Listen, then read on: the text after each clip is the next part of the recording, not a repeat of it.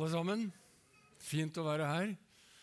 Eh, Reidun og jeg vi hører til i Randesund misjonskirke, så det som er vår menighet eh, vanligvis. har vært det de siste 20 årene drøyt. Men jeg har jo mange kjente her i salen, fortrinnsvis i min generasjon. da. Eh, men det er veldig flott å treffe nye. Colleen, ny generasjon. Hyggelig å bli, møte deg og se at nye generasjoner tar over. Og eh, Fint å være sammen med Martin Vikstøl. Han var student på Ansgarskolen for noen år tilbake. Jeg fant ut, jeg spurte at det var 19 år siden. Joi meg, og årene går. Og Sondre Storstadbo er en mer nyere generasjon også det. Er jo ansatt her. Flott å være sammen med dere. Og så sitter Hilmar Kristoffersen ved flygelet. Og Hilmar har vært innom Ansgar, du også, som timelærer, men ikke som student, om jeg er riktig orientert. Derimot var Hilmars far Dag Kristoffersen. Han sitter der. Han var student på Ansgarskolen da jeg første gang var lærer der. Tenk på det. Han er nå blitt pensjonert, så en av mine studenter er også blitt pensjonert. Så da skjønner dere at årene går. Flott å se dere. Eh, Dag Kristoffersen han var altså student på Vettakollen. Jeg var ansatt fem år der. Det var den gangen de spurte hvilken klasse jeg gikk i når vi var på tur. Og det er så, så, så sin sak. Veldig fint å få være her. Jeg syns det er flott med sommer i Salem.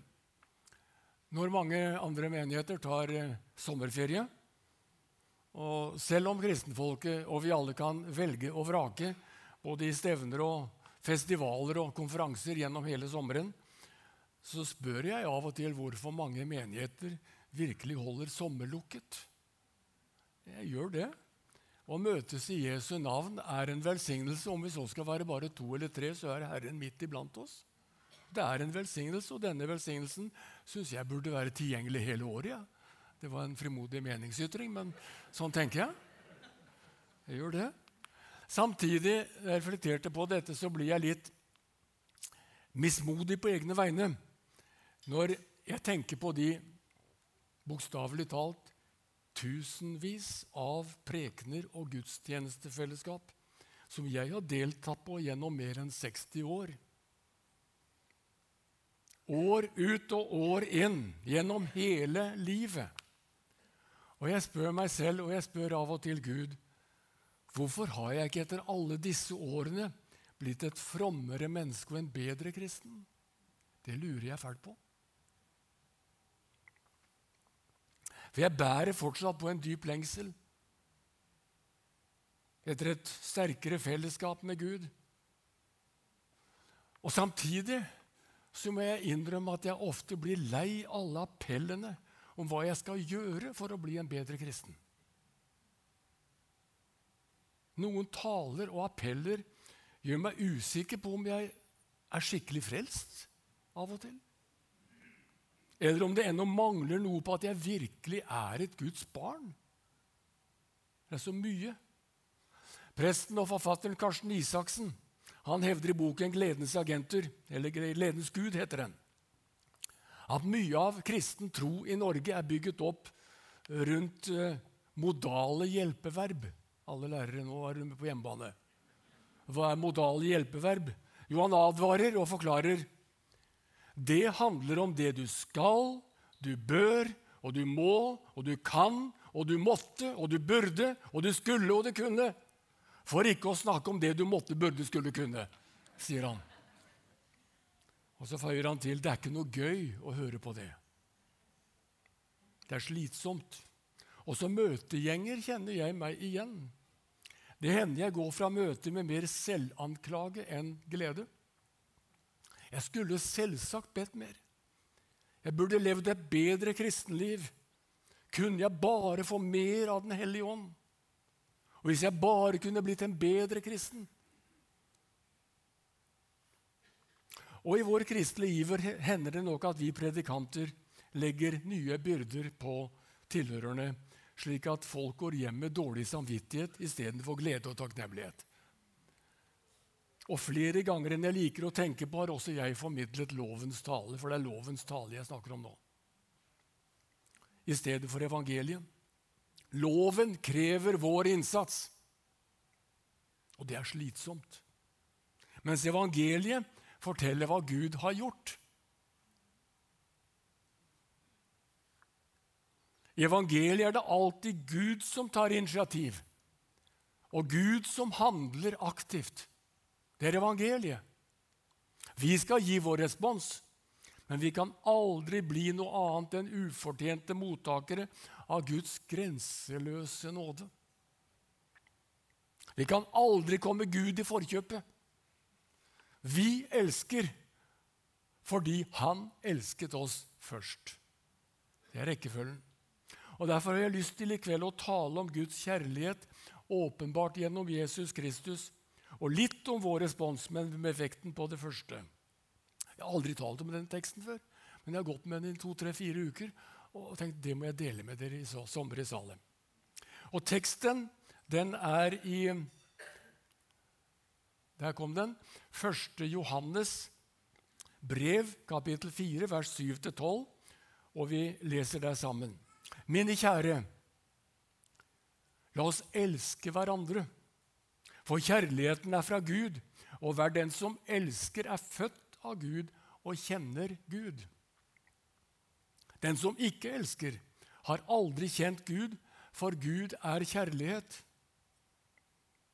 Og ved dette ble Guds kjærlighet åpenbart blant oss, at Gud sendte sin enbårne sønn til verden for at vi skulle leve ved ham.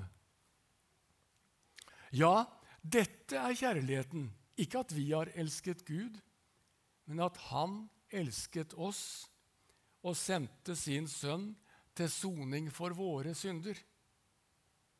Mine kjære, har Gud elsket oss slik, da skylder også vi å elske hverandre.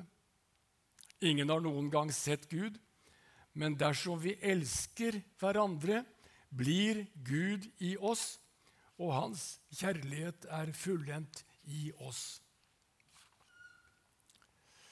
Mitt anliggende i kveld det er altså å tale om Guds kjærlighet. Jeg håper og makter å gjøre det på en god måte. Måtte det lykkes for å bruke modale hjelpeverb igjen. ikke sant? Ja. Mange mennesker tror ikke på Guds kjærlighet.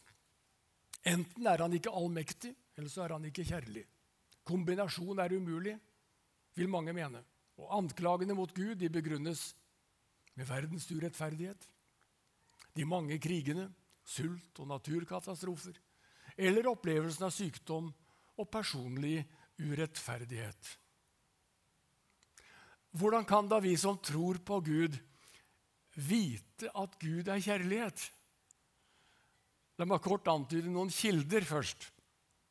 For det første, jeg tror det er riktig som Bibelselskapet skriver på sin hjemmesiden at Bibelen, Guds ord, kan kalles Guds kjærlighetsbrev til oss mennesker. Uten Det gamle og Det nye testamentet så ville vår forståelse av Guds kjærlighet være utrolig begrenset. Bibelen tolker og forklarer de øvrige kildene som vi skal nevne, og som vi har. Jeg vil nevne Den andre kilden er faktisk naturen, men vel å merke slik vi møter den i Edens hage. En verden med fred og harmoni. Men i dag så er naturen tvetydig. På sitt beste speiler den Guds himmel. På sitt verste så er den en forsmak på helvete. Fordi naturen slik vi kjenner den i dag, er farget av syndens og forgjengelighetens lov. Det er ikke sånn det var, men sånn er det blitt. Derfor er den tvetydig. Men det tredje og avgjørende kilden til Guds kjærlighet for oss, det er Jesu kors. Det er den ultimate kilden til Guds kjærlighet, som vi leste i vers 9. Og ved dette ble Guds kjærlighet åpenbart for oss. At Gud sendte sin enbårne sønn til verden til soning for våre synder. Og det er mitt hovedpunkt i kveld. Skjønner du. Det er det som er troens hvile. Men jeg vil også antyde en fjerde kilde. I tillegg til Skriften, naturen og Jesu kors, så møter de fleste av oss Guds kjærlighet som en personlig erfaring og opplevelse. Selv om åndelige opplevelser, og det må vi understreke, åndelige opplevelser de er ofte variable, og de kan sannelig tolkes ulikt. Det må vi erkjenne. Men likevel står erfaringen veldig sterkt, fordi den er personlig. Ofte er det en personlig opplevelse som først skal overbevise den enkelte om at Gud er kjærlighet. Vissheten om at jeg er et Guds barn. At Gud er min far, og at han har sendt sin ånd i våre hjerter, som roper 'Abba, far'. Jeg er ikke av de som roper 'Abba, far' sånn i hytt og pine. Jeg var jo også oppe i en menighet hvor det kom av og til noen skudd, så det smalt i veggene om 'Abba, far', og det har aldri vært meg. Men jeg må si at når jeg hører evangeliet Han synger der 'Abba, far', at jeg får være ditt barn. Sterke opplevelser. Og Apostelen Johannes skriver jo nettopp i dette brevet i kapittel 3 og vers 1.: Se hvor stor kjærlighet Faderen har vist oss. Vi får kalles Guds barn. Og det er vi. Og den som har den vissheten, har en visshet om at Gud er kjærlighet. Ufortjent av bare nåde har Gud tilgitt meg min synd, gitt meg barnekår og lovet at en dag skal jeg møte Gud i herligheten. Det er fantastisk. Tenk på røveren på korset. Han hadde et langt og relativt mislykket liv bak seg. Det må vel sies uten at vi kjenner det. Men han blir lovet paradis på dagen. Det er kjærlighet, det. Veien var kort fra røveren på korset til herligheten i paradis. De fleste av oss er blitt frelst i yngre dager og må vente resten av livet på å få oppleve himmelens herlighet. Det tar litt tid før vi når fram. Mens andre blir frelst først på dødsleiet og tar korteste veien hjem. Og Det er jo fantastisk for de som opplever det. Men det er om disse Judas skriver i sitt brev, Jesu bror. Han skriver at det er noen som blir revet ut av ilden. Og da er det på høy tid. Som pastor så har jeg fått oppleve å, eh, mange mennesker som har søkt Gud rett før de døde, på dødsleiet. Det er opplevelser som gjør inntrykk. Og La meg dele en som ligger langt langt tilbake. Det er 40 år siden jeg var ung pastor. Det vil si, ja. Og Så banket det en dag på døra der vi bodde i et boligfelt på Østlandet. Så var det en nabofrue litt lenger ned i gata som gikk rett på sak og sa du, kan du komme hjem til oss, for du må hjelpe mannen min. Han skal snart dø, og han trenger å bli frelst. Rimelig god bestilling. Og rett på sak. Og jeg dro hjem til dem en ettermiddagskveld. Hverdag, De hadde to ten unge tenåringer på 12-14 år som satt og så på TV, og de spiste pizza. og Der kom jeg, pastoralt ærend, og skulle be for far i huset. Og Jeg begynte litt sånn forsiktig, men kona hun var likevel på han. Og rett på sak er han som sitter der, sa han mannen sin. Han må bli frelst. Og mannen var enig. Han trengte det. Han sa, 'Jeg er alvorlig syk, og jeg er en synder.' Og jeg vet at Gud kan frelse meg, og nå vil jeg gjerne bli frelst. Så det var fort gjort. Det var det. Og jeg gikk hjem og tenkte joi meg. Her er det andre som har sådd, iallfall ikke meg, men jeg fikk høste. Og så gikk det lang historie kort, men han fikk altså frelsesvisshet med en gang. Og mannen hadde en veldig turbulent historie. Det fikk jeg vite senere. Jeg hadde møtt han i et velmøte, og han var ikke av de som som bidro til liksom fred og harmoni i det møtet. Det husker jeg godt.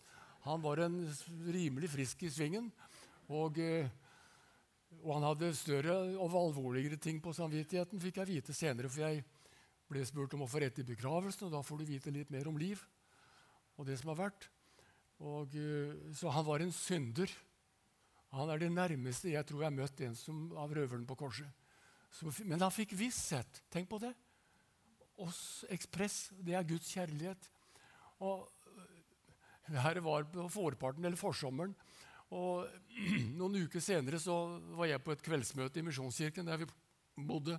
Og Jeg hadde ikke noe ansvar for det møtet. Jeg var vanlig møtedeltaker. og Det var en sommerkveld og litt sånn avslappet atmosfære og ingen taler. Det var bønn- og vitnemøte, som det kan være av og til. Og Noen vitnet om Jesus og, og sa litt, og andre venta på hverandre. Men det var en rolig og avslappet atmosfære. 60-70 mennesker. Men inn døra kommer et, et, ektepar. og Det var denne mannen og kona. Og De satte seg på nest siste benk, men det var så bredt der at alle så det kom inn fremmede folk. Og de var jo ikke møtegjengere der. Så der satt de. Og under møtets eh, gang så, så, ble det anledning altså til frie vitnesbyrd. Og, og, plutselig så reiser denne mannen seg opp på siste benk. Reiser opp, står bare rett opp og ned. Sier ikke et ord. Men alle så han og lurte på hva han hadde på hjertet. Og jeg satt noe sånn rett på skrått foran benken foran. Og så plutselig kjenner jeg at han lener seg fram, og så prikker han meg på skuldra. Og så sier han, 'Kan du ikke si det, du?' Hørte du det? 'Kan du ikke si det, du?' sa han. Og jeg tenkte, 'Hva skal jeg si?' Så ramla det inn i meg, og jeg tror Gud ga meg det på, på direkten.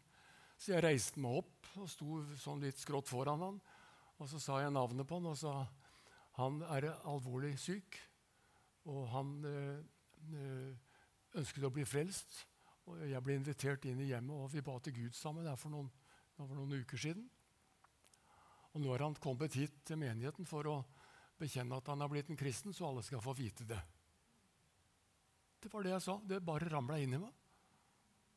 Og så sto mannen på denne måten bak der. Opp og ned. Med hjertet tror en til rettferdighet, og med munnen bekjenner en til frelse. Det er første gang jeg har vært munnen til en annen, men det ble jeg faktisk. Men han opplevde Guds kjærlighet, og det er klart det var en erfaring for han av hvordan Gud elsker syndere. Enhver frelsesopplevelse vitner om Guds kjærlighet fordi erfaringen er nær, og den er personlig. Poenget er at frelsen alltid er ufortjent. Den skyldes ikke vår egen godhet. Det er bare Guds nåde og Guds kjærlighet. Og enda viktigere det er ikke vi som finner veien til Gud, men det er Han som finner veien til oss. Guds kjærlighet, står det, ble åpenbart blant oss. Og da var det ikke vi som åpenbarte den, men Gud som selv gjorde det. Den treenige Gud har selv trukket teppet til side, så vi kan se hvem han er, og hvilken kjærlighet han elsker oss med. Gud er ikke et produkt av vår tanke eller kreativitet, slik filosofen Nietzsche hevdet i sin tid. Han mente at mennesket hadde skapt Gud i sitt bilde istedenfor det motsatte. Nei, Gud kom først, folkens. Det er en syrisk kirkefar som heter Efraim. Han er ikke så mye kjent, men han levde på 300-tallet. Og han sa følgende Kom det opp der? Han sa hvis Gud ikke selv hadde villet bli kjent av oss, skulle ingen i hele skapelsen ha vært i stand til å opplyse oss om ham. Det er ikke lett å finne veien sjøl da. Men Gud har åpenbart seg slik at vi kan få lov til å ta imot ham, vite hvem han er. Og Apostelen Johannes skrev i dette, i dette i sitt evangelium ingen har noen gang sett Gud, men den enbårne som er Gud, og som er i fars favn, han har vist oss hvem han er. Jesus Kristus. Og Det gjentas i den teksten vi leste. Ingen har noen gang sett Gud, men Gud har åpenbart seg for oss. Og I frelseshistorien har Gud åpenbart mer og mer av sin storhet, trukket teppet, teppet til side i Det gamle og Det nye testamentet. Og I Det nye testamentet taler Gud til oss gjennom Sønnen, Han som er en soning for våre synder. Og Allerede Oldkirken på 200-300-tallet de forsøkte å oppsummere den, sin tro på den treenige Gud som de hadde møtt, og treenige Guds vesen i det vi kaller apostolikum som vi også bekjenner. Jeg tror på Gud Fader, Jesus Kristus og Den hellige ånd. Apostolikum. Det er en felleskirkelig bekjennelse til Far som skaper, til Sønnen som frelser, og til Ånden som livgiver. Og Denne treenighetslæren som mange ikke tror på og tvister og roter med, det dreier seg ikke om matematikk og ikke om logikk. Men det dreier seg først og fremst om relasjoner. Det dreier seg om kjærlighet. Det er det treenighetslæren dreier seg om. Det er en teolog som heter Walter Kasper, som hevder at treenighetslæren bare kan forstås som en del av kjærlighetens natur. Og Nå skal dere få et sitat her som, som er litt sånn teologisk heavy, men det er et veldig viktig sitat, syns jeg. Hør på dette. Kjærligheten var det. Kjærligheten ønsker å bli ett med den andre uten å oppløse seg selv eller å utslette den andre.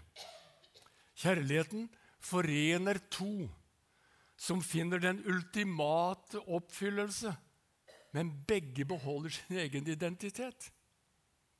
Kjærligheten betyr å bli ett, samtidig som den andres annerledes bekreftes.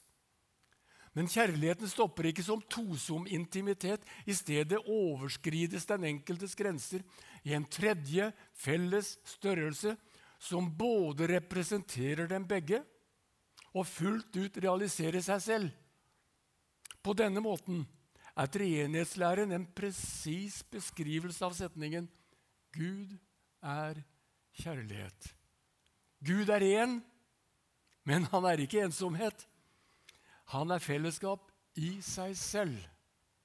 Og han elsker å bringe mennesker inn i dette fellesskapet. Dette kalles en relasjonell treenighetsforståelse. Treenigheten dreier seg om relasjoner, det dreier seg om kjærlighet. Med frihet og enhet. Og de indre trinitariske relasjoner gjenkjennes jo umiddelbart som modell for den ideale familie. Gjør den ikke det? Jeg har fått det med dere med en gang. Det leser jo det ut av det. Med far, mor og barn. Den treenige Gud modellerer hvordan ektefeller bør gi hverandre gjensidig bekreftelse og frihet, samtidig som målet er maksimal eh, enhet og fellesskap. En kjærlighetens parrelasjon som gir rom for frihet og selvrealisering begge veier, det nærmer seg jo en paradisisk tilstand, gjør det ikke det? Det er ikke noe rart ekteskapet et, har noe med himmelen å gjøre. Uten slangen som tredje størrelse. Isteden så vet vi at det fødes barn som bærer begges gener. Og barnet utvikler seg med den samme selvstendighet og frihet som foreldrene fortsatt beholder, hver for seg og sammen. Det er jo litt av en verdibeskrivelse for samtlige i denne enkle familien. Mor, far og barn-relasjonen. Det er en biologisk og en moralsk konkretisering av treenighetslæren. Det er en høy vurdering av familie. Og det treenighetslæren har faktisk med dette å gjøre. Dette er én side, ikke alt, men én side av hva det vil si å være skapt i Guds bilde, for Gud er kjærlighet. På samme måte er kjærligheten i treenigheten ikke bare modell for familien, men også modell for enheten og kjærligheten i menigheten. Yes.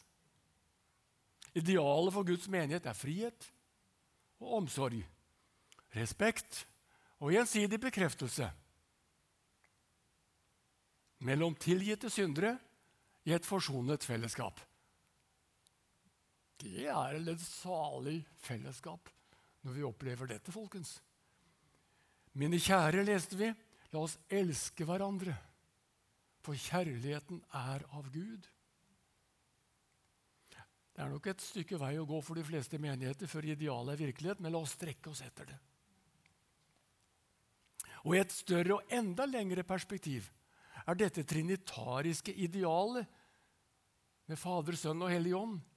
Det er målet for samfunnet som helhet. Kjærlighetens og forsoningens ultimate mål gjelder ikke bare familien og menigheten, men også samfunn, politikk og skaperverk. Det er Guds plan, og det er Guds mål. Men det rekker vi ikke å si noe mer om i denne sammenheng. Vi skal tilbake til hovedpoenget mitt. Den treenige Gud er kjærlighet i alle sine relasjoner. Først viste han det ved utvelgelsen av israelfolket som sitt folk. Israel var hans dyrebare eiendom, et hellig folk, utvalgt fremfor alle jordens folk. 5. Mosebok 7,6. Der står det at det var et hellig og utvalgt folk fremfor alle andre. Og I neste vers leser vi Når Herren hadde godhet for dere og valgte dere ut, var det ikke fordi dere var større enn alle andre folk, for dere er de minste av alle folkene, men fordi Herren elsket dere. Vet du tak i det? Å være en troende er å være utvalgt. Ikke pga. størrelse, kompetanse eller fromhet, men alene pga. Guds kjærlighet. Fordi han elsker oss. Gud elsker marginaliserte og syndige mennesker. Også de som ikke verdsettes i denne verden, som Paulus skriver i Korinterbrevet. Ikke mange vise, men det som var lite, det utvalgte Gud seg. Det å tilhøre Guds menighet er med andre ord ikke noe bevis på verken prektighet eller åndelighet. Det eneste som kveldens flotte forsamling her i Salem vitner om, det er at Gud elsker syndere. Og denne Guds kjærlighet, den tåler også motstand. Skuffelser og nederlag fra sine barn. Da israelsfolket sviktet Herren, både Efraim i nord og Juda i syd, så ble profeten Hosea to ganger bedt om å ekte horekvinner.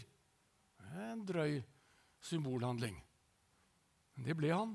Profeten skulle være et levende vitnesbyrd om Herrens trofaste kjærlighet til et, trofast, til et troløst folk, som lik horekvinner var blitt elskerinner med andre guder, sier profeten i Hosea. Hosea 3,1 lyder Gå enda en gang bort og elsk en kvinne som er en annens elskerinne og bryter ekteskapet, slik Herren elsker israelittene, enda de venner seg til andre guder og elsker rosinkaker. Hva nå de kakene var godt for, vet ikke jeg, men det står det. Og så videre står det selv om folket, selv om folket mitt henger fast ved sitt frafall fra meg, så heter det senere i profeten Osea, så gir, gir ikke Herren opp sin kjærlighet. I neste vers lyder det, hvordan kan jeg oppgi deg, Efraim? Hvordan kan jeg overgi deg, Israel? Hvordan kan jeg oppgi deg? Mitt hjerte vender seg i meg. Min medlidenhet våkner. Og så elsker Herren det troløse folk. Slik er Herrens kjærlighet. Utroskap det betyr å svikte og krenke det mennesket en har lovet sin troskap og kjærlighet til. Og jeg beundrer ektefeller som makter å tilgi og fortsette samlivet etter å ha opplevd utroskap. De har min beundring. Det er noe guddommelig i det. Er du der, så ta det til deg. For slik er Guds kjærlighet. Og slik skal vi elske hverandre. Herren Gud, som hadde fridd folket ut av trellehuset i Egypt og ført dem inn i løfteslandet, ble forkastet og forlatt til fordel for fremmede elskere og likevel elsket Herren sitt folk i den gamle pakt. Men enda sterkere åpenbares Guds kjærlighet til oss gjennom Jesus Kristus i den nye pakt. Ja, dette er kjærligheten. Ikke at vi har elsket Gud, men at Han elsket oss og sendt sin sønn til soning for våre synder, leste vi i teksten i vers 10. Og på en firdobbel måte sies det samme i Romerbrevet kapittel 5 og vers 6 og 10. Se på disse versene der. Mens vi ennå var svake, døde Kristus for ugudelige da tiden var inne.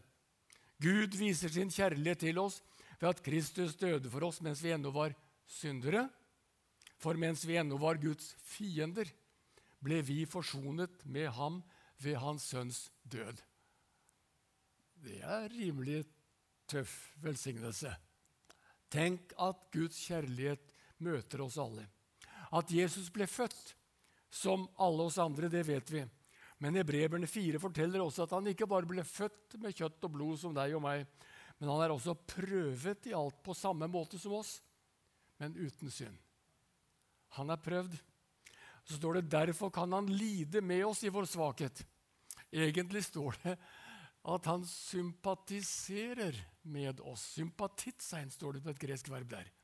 Altså, Jesus sympatiserer med vår svakhet. Djevelen vil ha til at når du er svak og bommer på målet, så er det over og ut med deg, og Gud kan ikke elske deg. Han forventer mer etter så mange års kristenliv som du har bak deg. Vet du at Jesus og Guds løfte sier at Jesus er prøvet i alt. Han forstår deg. Han vet hvordan du har det. Han sympatiserer til og med med dine og mine svakheter. Det er kjærlighet. sympati, ikke fordømmelse. Han vet om våre svakheter. Han elsker oss, og han forstår oss. Så sant vi kommer frem for nådens trone.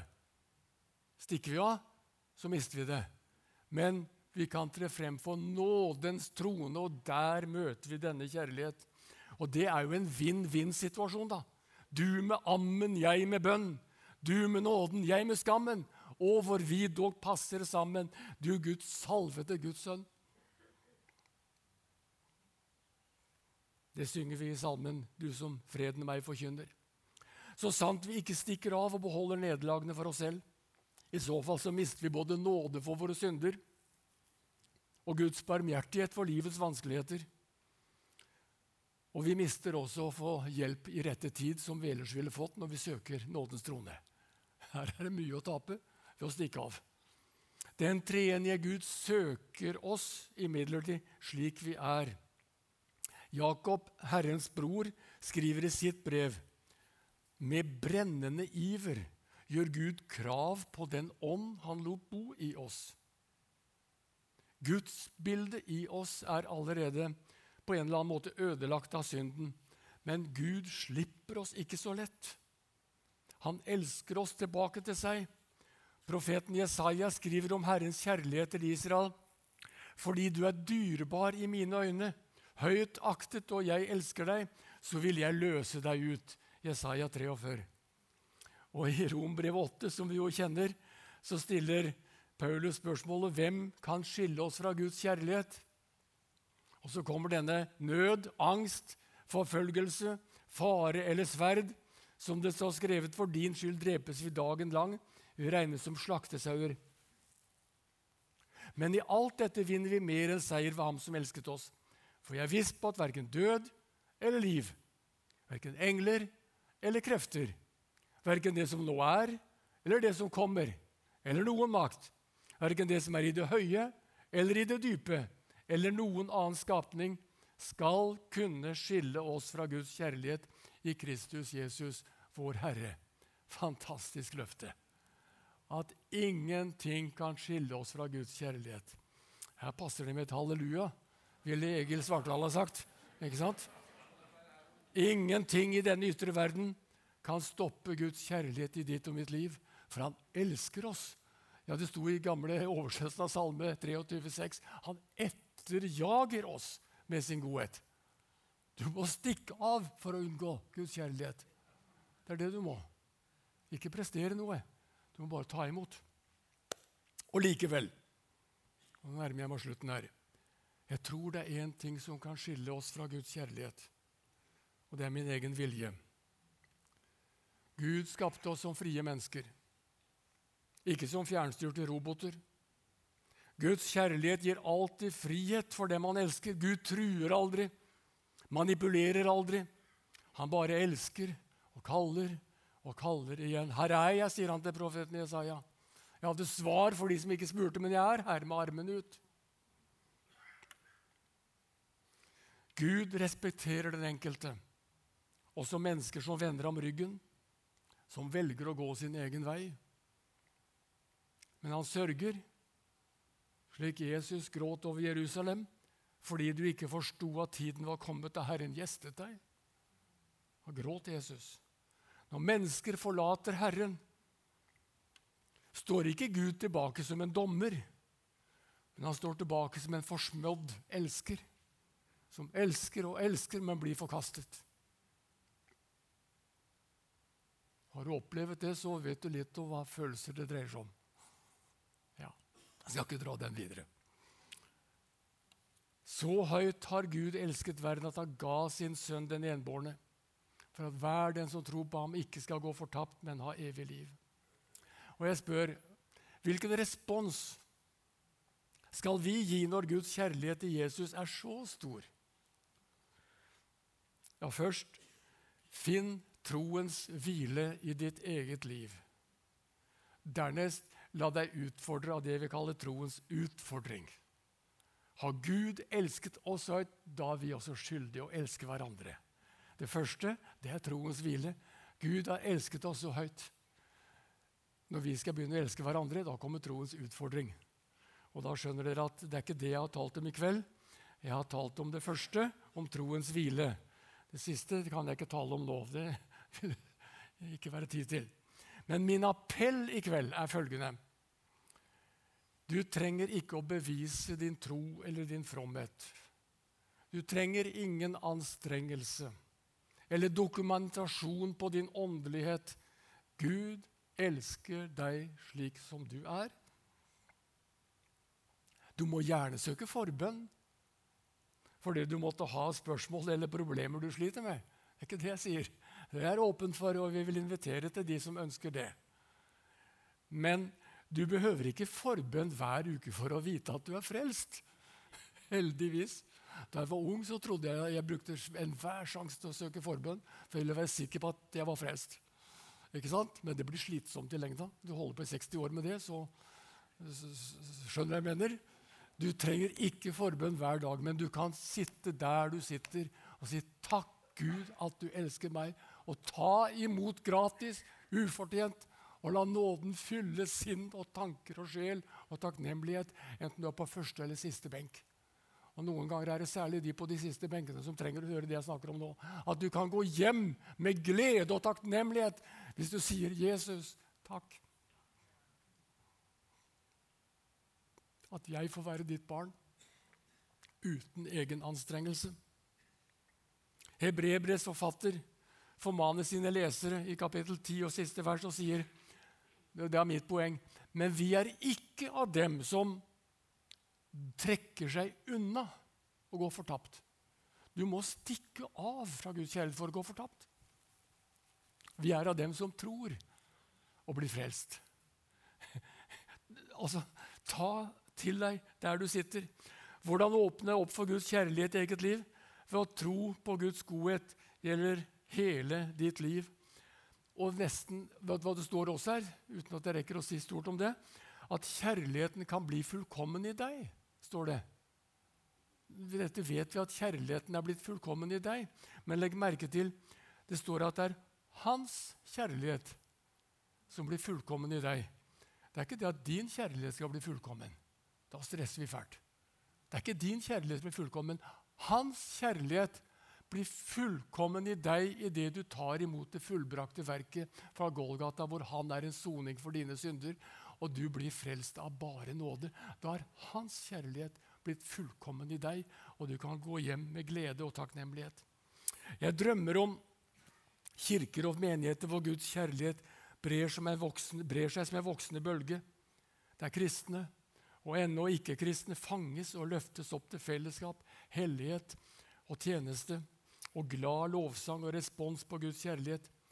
Gud har fortsatt initiativ når det gjelder frelsen. Mens vi, vi skal bare respondere. Men Gud er alltid først. Takk og lov. Aldri motsatt. Gud handler, og vi takker i Jesu navn. Det er evangeliet for syndere av alle slag, også i 2023. Og der sier jeg amen. Amen. Og nå vil dere være med og lede oss i lovsang og sang. Og så er det anledning, om du ønsker samtale, forbønn, til å komme frem til første benk. Så vil noen være med og be for deg her. Eller du kan gå inn og samtale i bønnerommet bak der. Eller du kan sitte i benken og si 'Takk, Jesus', og gå hjem med glede. Og det håper jeg vi alle kan gjøre. Amen.